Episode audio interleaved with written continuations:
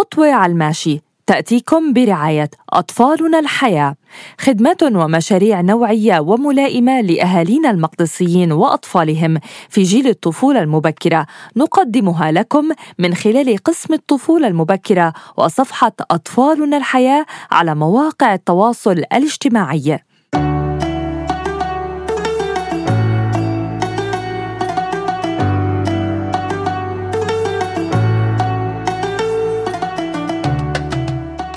مساء الخير وأهلا وسهلا فيكم. وصلنا للسؤال رقم 24 من خطوة على الماشي.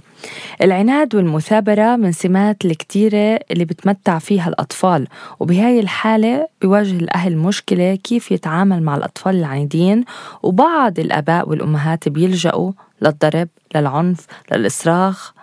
بهاي اللحظات وهالشي بيخلي الطفل يكون أكثر عدواني وبيزيد من عناده أكثر من الأول. مشان هيك إحنا هون اليوم لنلاقي مخرج لهذا الموضوع. لكن لازم على الأهل دايما يفكروا كتير منيح بطرق للتعامل مع أطفالهم العنيدين. وسؤالنا رقم 24 بيقول كيف أتعامل مع الطفل العنيد والعصبي؟ أمجد شو الجواب؟ مرحبا مرام. إيه سؤال صراحة جوابه كتير طويل نسبة لخطوة على الماشي بس أنا بدي أجرب آه، هيك آه، أجرب أحكيه في الوقت القصير اللي عندي. عمليا كل موضوع العناد هو موضوع اللي كتير مسيطر على كتير أشخاص وعلى كتير أهالي. نرجع بنقول أكيد صح في سمات اللي هي بيولوجية. إحنا هلا فيش فيه ولا أي شك كل الأبحاث تحكي في هذا الموضوع. ولكن بدي أجي أقول إنه إحنا نقدر كبيئة محيطة عن جد نعود أولادنا إن هن معي عنده والمفتاح عنا. نعودهم لما إحنا بنحكي طلب أو نطلب طلب إحنا أشخاص كتير واقعيين وكتير قاصدين هذا الطلب. لما أنا بقول لك قوم بغرفتك أنا عن جد رح أقوم خلال ثواني وأشوفك هل أنت ضبيت أو ما ضبيت. لما أنا بقول لك إيه اترك أخوك ما تضايقه.